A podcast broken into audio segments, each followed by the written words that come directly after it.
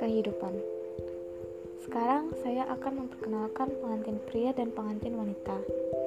Pengantin pria Takaradata Rosang lahir di Kyoto tahun 1971. Tahun ini berumur 29 tahun. Setelah lulus dari Universitas Sakura di tahun 1993, dia bekerja di Bank Apple. Di tahun kedua dia bekerja di Bank Apple, dia melanjutkan studi di universitas di Amerika. Dia adalah pegulat sumo saat masih menjadi mahasiswa dan merupakan juru masak yang handal. Hanako-san, sang mempelai wanita, lahir di New York pada tahun 1965 dan menghabiskan masa kecilnya di Paris, London, dan Moskow. Dia merupakan orang luar negeri.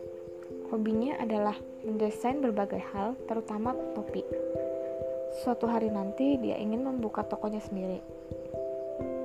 Direktur Takarada Sang hari ini pensiun dia telah bekerja di bank selama 25 tahun dan telah bekerja di berbagai cabang di seluruh dunia.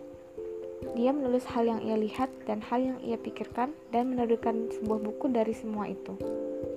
Karena masih ada hal-hal yang ingin ia tulis, ia memutuskan untuk keluar dari bank agar memiliki banyak waktu untuk menulis. Istrinya, Hanako-san, seorang desainer, mendukung keputusannya itu. Saya ingin mengucapkan selamat kepada Takara Dasang atas awal yang baru dan mendoakan yang terbaik. Bersulang. Selamat kepada Takara Dasang dan Hana Kosan atas ulang tahun pernikahan mereka yang ke-50.